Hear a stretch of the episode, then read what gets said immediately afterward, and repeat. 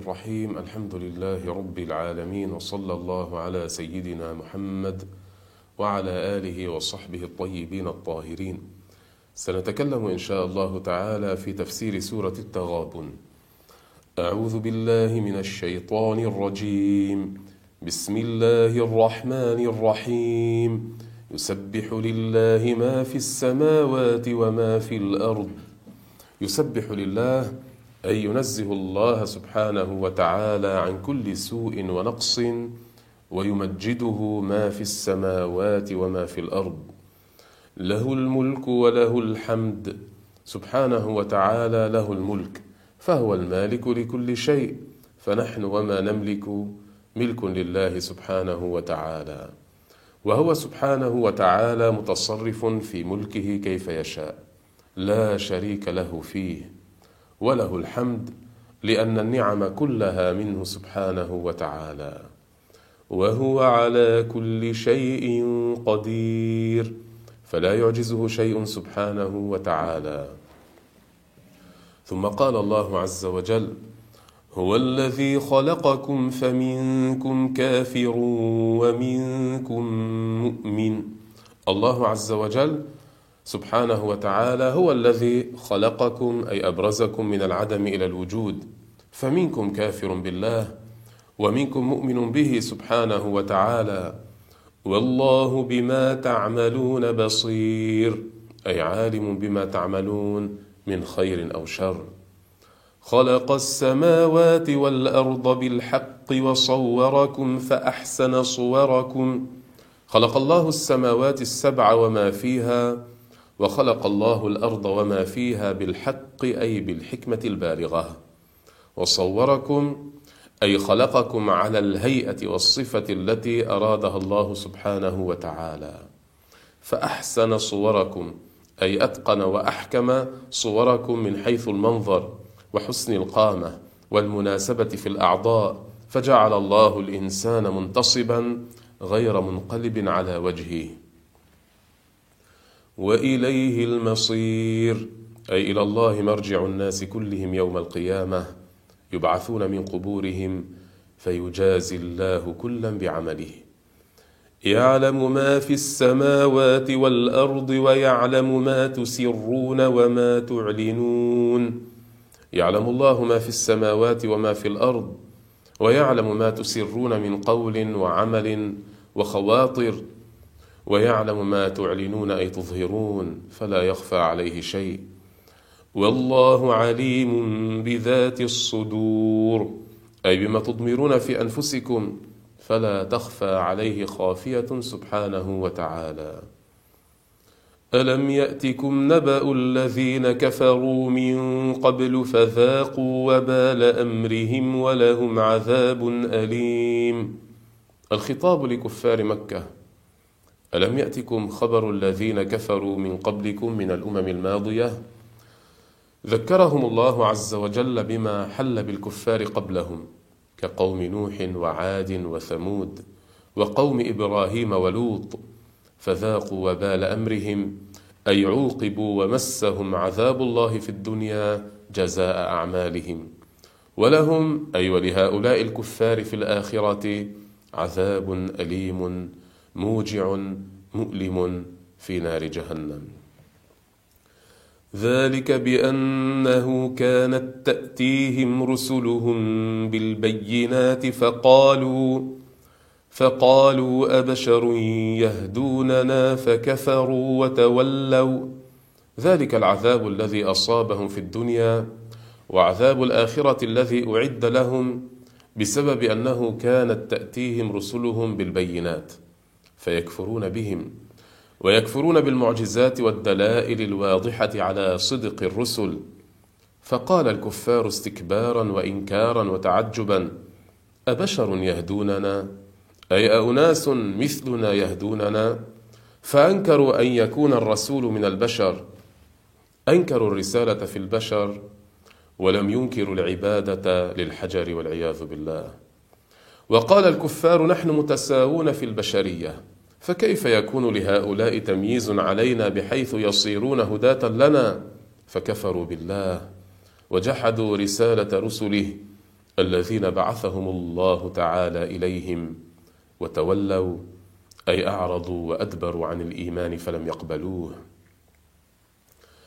واستغنى الله والله غني حميد. واستغنى الله عنهم. والله غني. الله غني عن العالمين. الله غني عن إيمانهم وطاعتهم. وهو سبحانه وتعالى حميد مستحق للحمد والثناء والمدح. فالله سبحانه وتعالى لا يحتاج إلى خلقه فلا ينتفع بطاعة الطائعين ولا يلحقه ضرر بكفر الكافرين. زعم الذين كفروا أن لن يبعثوا. ادعى الذين كفروا أنهم لن يبعثوا. أي أنكروا الخروج من قبورهم بعد مماتهم. قل بلى وربي لتبعثن ثم لتنبؤن بما عملتم. قل يا محمد لمنكر البعث يوم القيامة. بلى وربي. وهذا قسم اكد به الجواب. بلى وربي لتبعثن أي لتخرجن من قبوركم احياء ثم لتنبؤن أي لتخبرن بأعمالكم التي عملتموها في الدنيا. وذلك على الله يسير. أي إن البعث والحساب سهل على الله فالله لا يعجزه شيء سبحانه وتعالى. فآمنوا بالله ورسوله فآمنوا بالله ورسوله والنور الذي أنزلنا. أمرهم بالإيمان بمحمد صلى الله عليه وسلم. أمرهم بالإيمان بالله وبمحمد عليه الصلاة والسلام. لأن الإيمان بالله وحده لا يكفي ما لم يقرن باعتقاد أن محمدا رسول الله صلى الله عليه وسلم. ومعنى قول الله عز وجل والنور الذي أنزلنا أي القرآن.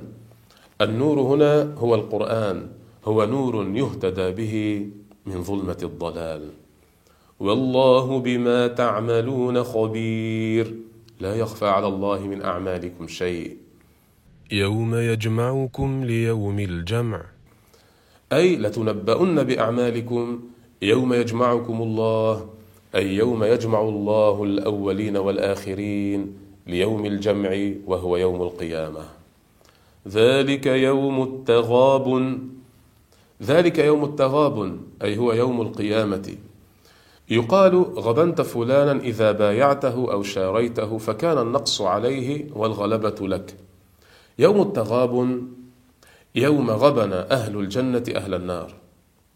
أي لكون أهل الجنة بايعوا على الإسلام بالجنة فربحوا ولكون أهل النار امتنعوا من الإسلام فخسروا فشبهوا بالمتبايعين يغبن أحدهما الآخر في بيعه.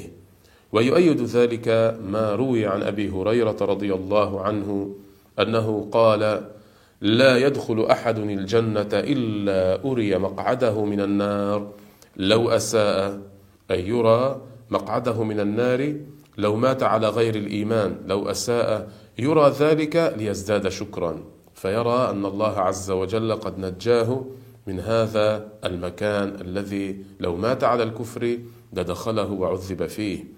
ولا يدخل أحد النار إلا أري مقعده من الجنة. لو أحسن يرى مقعده من الجنة لو أحسن أي لو مات مؤمنا لكان هذا مقعدا له في الجنة. يرى ذلك ليكون حسرة عليه يوم القيامة. ومن يؤمن بالله ويعمل صالحا يكفر عنه سيئاته يكفر عنه سيئاته ويدخله جنات تجري من تحتها الأنهار.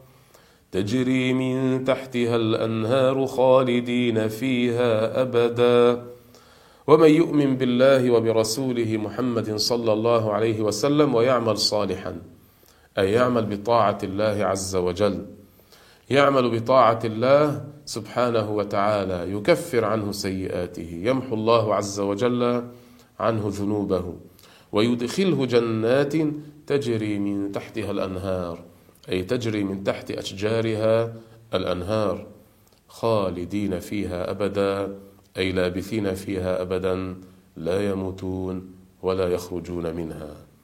ذلك الفوز العظيم.